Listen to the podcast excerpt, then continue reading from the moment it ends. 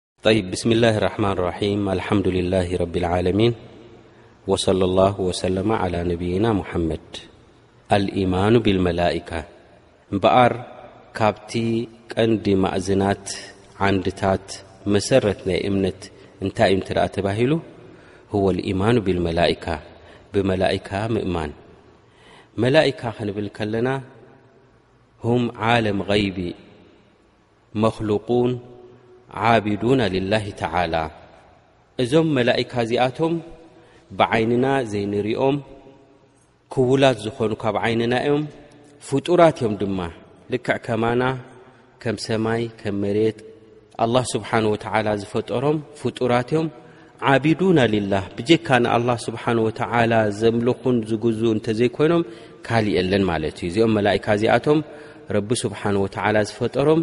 ወላ ሓንቲ ካብቲ ኸሳኢሰ ሩቡብያ ወይ ኡሉህያ ካብቲ ናይ ረቢ ስብሓን ወተዓላ ዝግባእ ወነንቲ ኣይኮኑን ንዕኦምን ኣምልኾት ወይ ክንግዝኦምን ዝግብኦም ኣይኮኑን እንታይ ደኣ ነዚኣቶም ፍጡራት እዮም ረቢ ስብሓን ወተዓላ ኸለቀሁም ላሁ ተዓላ ምን ኑር ረቢ ካብ ብርሃን ዝፈጠሮም እዮም ከምቲ ንደቂ ሰባት ኣላ ስብሓን ወተላ ንኣቦ ንኣደም ካብ ጭቃ ዝፈጠሮ ነዚኣቶም ድማ ረቢ ስብሓን ወተዓላ ካብ መሬት ወይ ድማ ካብ ብርሃን እዩ ፈጢርዎም ማለት እዩ ከምቲ ነቦና ኣደም ካብ ጭቃ ዝፈጠሮ እዚኣቶም ድማ ካብ ብርሃን ዝተፈጠሩ እዮም እዚኣቶም ረቢ ስብሓን ወተዓላ ሓያል ዝኾነ ክእለት ዝሃቦም ትእዛዛት ናይ ረቢ ብቕፅበት ዝፍፅሙ ዝኾኑ ወላ ሓንቲ ትዕቢት ዘይብሎም ዝኾኑ ካብቲ ዒባዳናት እውን ቋሕሰም ዘየቋርፁ ዝኾኑ እዮም ዩሰቢሑን ኣለይል ወነሃር ላ የፍተሩን ኢሉ ረቢ ስብሓን ወተዓላ ማለት እዚኣቶም ለይትን መዓልትን ንረቢ ስብሓን ወተዓላ ድግዙ እዮም ድቃስ ዝበሃል ዝብላዕ ስተይ ዝበሃል የብሎምን እዚኣቶም ካብ ብርሃን ዝተፈጠሩ ናታቶም ኩነታት ልክዕ ንሕና ከምዚ እነተንፍሶ ምስትንፋስ ንሳቶም ድማ ከምኡ እቲ ናቶም ምትንፋስን እቲ ናቶም እንቅስቃሴን እንታይ እዩ ተተባሂሉ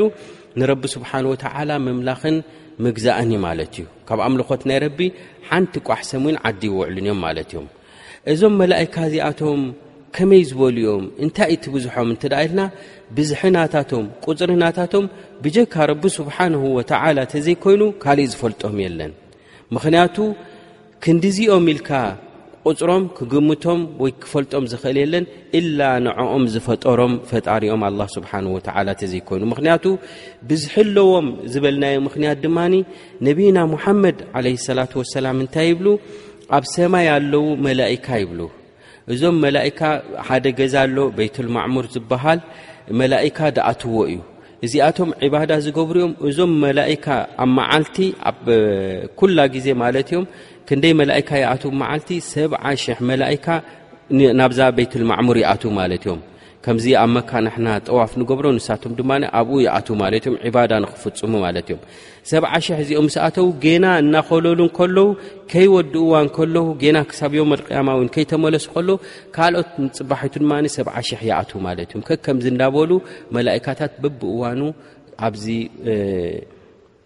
ቤት ልማዕሙር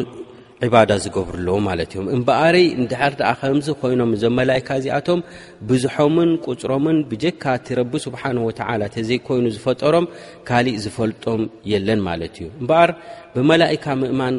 ክትኣምን ኣለካ ምክንያቱ ረቢ ስብሓን ወተዓላ ኣብ ቁርን ዝነገረና ነቢና ሙሓመድ ዓለ ሰላት ወሰላም ኣብ ኣሓዲስ ዝነገሩና ኩላቶም ነቢያት ኩሉ መፅሓፍቲ እውን ቅድሚ ቁርን ይኹን ዝነበረ መጽሓፍቲ እውን ዝጠቕሶም መላእካ ዝበሃሉ ፍጡራት ናይ ረቢ ከም ዘለዉ ተነጊሩና እዩ ማለት እዩ እምበኣረይ በዞም መላእካታት እዚኣቶም ህልዋት ምዃኖም ረቢ ስብሓን ወተዓላ ዝኸለቖም ምዃኖም ክትኣምን ኣለካ ማለት እዩ ከምኡ እውን ገለገለ ኣለዉ ረቢ ስብሓን ወተዓላ እገለ እገለ ይበሃሉ ኢሉ ብሽሞም ዝነገረና ኣለዉ ከም ጅብሪል ማለት እዩ ብሽሙ ንፈልጦ ድማ ብሽሙ ንኣምን ማለት እዩ ብሽሞም ዘይፈለጥናዮም ድማ ኣብኡ ከለና ብብዝሒ ዝተነገረና መላእካታት ከም ዘለዉ ንኣምን ማለት እዩ ከምኡ ውን ገለ መግለፂኦም ኩነት ናቶም እንታይ ይመስሉ ወይ ግዝፍና ናቶም ወይ ዕብየት ናቶም እንታይ እዩ ዝብል ድማ ረቢ ስብሓን ወተላ ወይ ነቢና ሓመድ ዓለ ሰላ ወሰላም ዝነገሩና ብኡ ድማ ክትኣምን ኣለካ ንምሳሌ ነቢና ሓመድ ዓለ ሰላ ወሰላም እንታይ ይብሉ ጂብሪል ርእዮ ኢሎም ሸዱሽተ ሚእቲ ዝኸውን ግልግለ ኣለዎ ኢሎም ከምቲ ረቢ ዝፈጠሮ ምስ ረኣኽዎ ስኒ እቲ ግልግለ ናቱ እንተ ደኣ ዘርጊሕዎ ስኒ ሰማይ ብምሉኡ ይሽፍኖ ማለት እዩ እምበኣረይ እዚ ክትርኢ ከለኻ እዚ ሓደ ፍጡር ካብቶም ፍጡራት ናይ ረቢ ክንዲዚ ዝኣክል ዕብትን ክንዲዚ ዝኣክል ሓይልን እንተ ደኣ ኣለዎ ኮይኑስ እቲ ንዕኦም ዝፈጠረ ኣላሁ ስብሓንሁ ወተዓላ ኸናቱ ሓይልን ናቱ ኩነትንሲ ወይ ድማ ናይ ረቢ ስብሓን ወተዓላ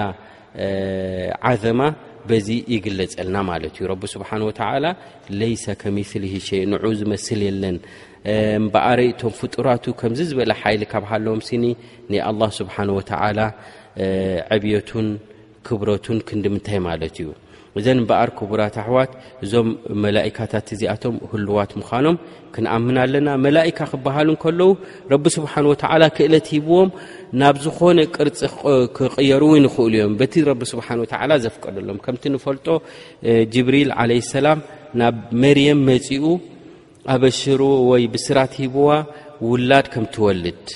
ሕጂ ክመጽእ እንከሎ ጅብሪል ከም ምንታይ ኮይኑ እዩ መጺዋ ከም ሰብ ተመሲሉ እዩ መጺዋ እምበኣረይ እዞም መላኢካታት እዚኣቶም ናብ ናይ ሰብ ቅርጺ ክቕየሩ ይኽእሉ እዮም እወ ይኽእሉ እዮም በቲ ረቢ ስብሓን ወተዓላ ዝሃቦም ሓይሊ ይቕየሩ ማለት እዮም ወልዛሊክ ናብ ረሱል ዓለ ሰላት ወሰላም ክመጽእ እንከሎ መላኢካ ጅብሪል ማለት እዩ ልክዕ ከም ሰብ ተመሲሉ ይመጾም ነይሩ ሓደ እዋን ልክዕ ከም ሰብ ተመሲሉ ጻዕዳ ክዳን ተኸዲኑ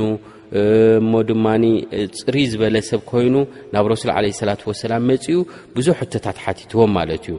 እዚ ከምዚ ኢሉ ክመፅእ እንከሎ ጅብሪል ለ ሰላም እንታይ ኢሎሞ ነቢ ለ ሰላት ወሰላም እንታይ ኢሎም እዚ ሕጂ ዝሓተኒ ዝፀንሐ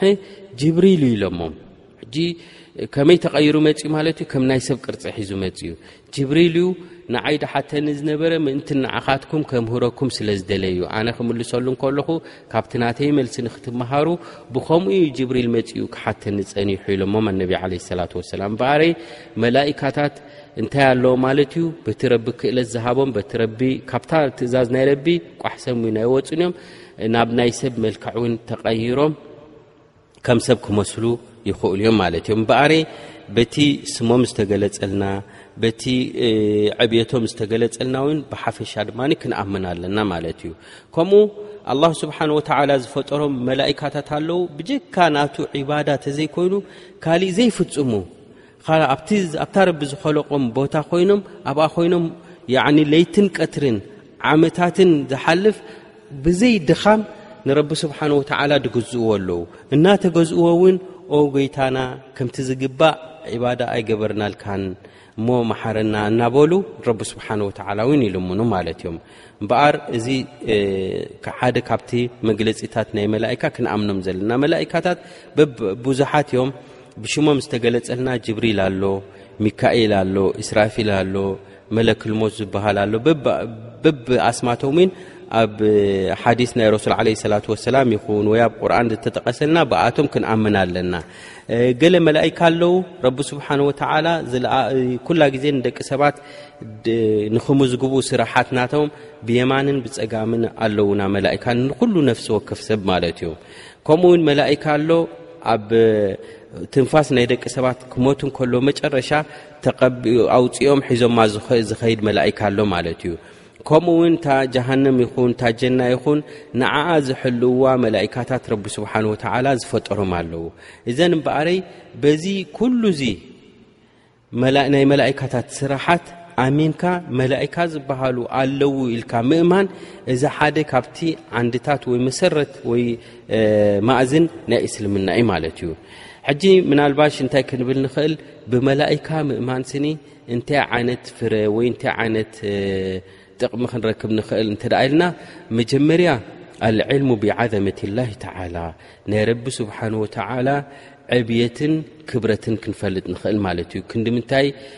ናይ ረቢ ስብሓ እቶም መክሉቅን ክንዲዚ ዝኣክል ዕብየትን ክንዲዚ ዝኣክል ሓይልን እንተ ደኣ ኣለዎም ኮይኑ እቲ ኣላ ስብሓን ወተላ ንዕኦም ዝኸለቆም ድማ ናቱ ዓዘማ ናቱ ክብረትኒ ክንዲ ምንታይ ምዃኑ ክርዳእ ንኽእል ማለት እዩ ከምኡ ውን ንኣላ ስብሓን ወተላ ብሓደ ሸንኽ ድማ ነዞም መላእካ ምስ ፈለጥና ንኣላ ውን ነመስግኖ ምክንያቱ ኣላ ስብሓን ወተላ ንደቂ ሰባት ዝጠቅም ንደቂ ሰባት ዝኸውን ኣላ ስብሓን ወተላ ዝኸለቆም መላእካታት ንዓና ዝሕልውናን ኩሉ ነገራት ንዓና ዝጠቅምን ብምግባሩ ረቢ ስብሓን ወተላ ንኣላ ድማ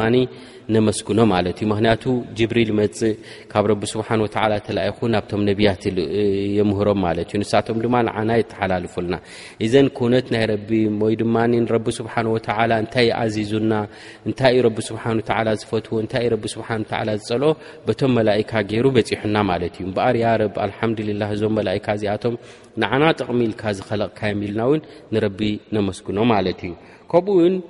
መላእካታት ተግባራት ናይ ረቢ ስለ ዝፍፅሙ ረቢ ስብሓን ወተዓላ ዝኣዘዞም ስለ ዝፍፅሙ እውን ንሕና ድማ ምስኣቶም ክንፈትዎምን መሓባ ክህልወናን ድማ ይግባእ ማለት እዩ ምክንያቱ ኩላ ግዜ ትእዛዝ ናይ ረቢ ንዝፈቱ ንሕና እውን ክንፈትዎን ከምኡ ድማ ብፅቡቕ ክንዝክሮን ይግብኣና ማለት እዩ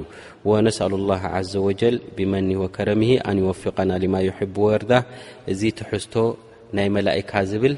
ኣብዚ ደምዲምና ኣለና እንሻ ላ ኣብቲ ዝቕፅል ድማ ኣልኢማኑ ቢልክቱብ ዝብል ክንሰጋገር ኢና